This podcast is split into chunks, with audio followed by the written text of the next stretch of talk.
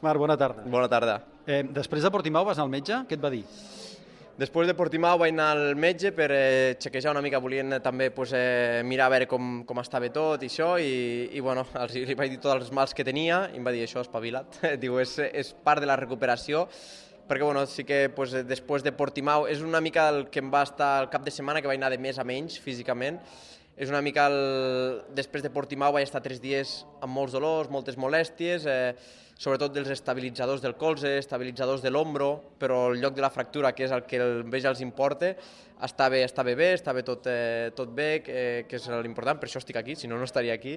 I, i bueno, pues, eh, són passos de la recuperació. Una cosa és treballar al gimnàs amb força controlada, amb estable, i l'altra és estar damunt d'una moto que bueno, hi ha moviments imprevistos i és allà on m'està faltant una mica més. A Portugal vas començar molt fort, aquí començaràs més piano-piano o què?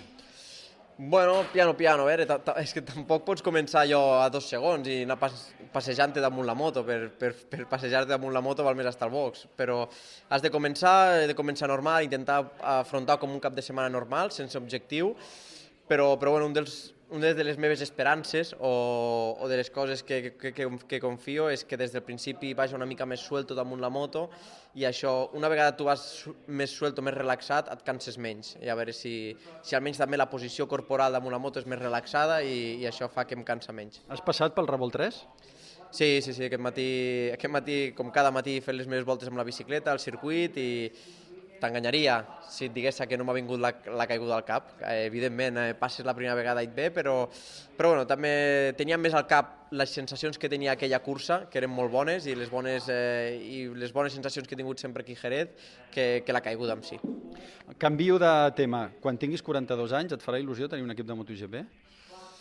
Pues eh, no ho sé, no ho sé. Lo que sí que, no sé, no, no, no, no m'ho he parat a pensar mai, no? De, d'un equip de MotoGP, sí, no, jo crec que s'ha de donar totes les circumstàncies, però, però bueno, sí que tindre un equip de MotoGP i jo continuar competint a la categoria, això no, no m'hi veig, així. Bona sort. Bé, moltes gràcies.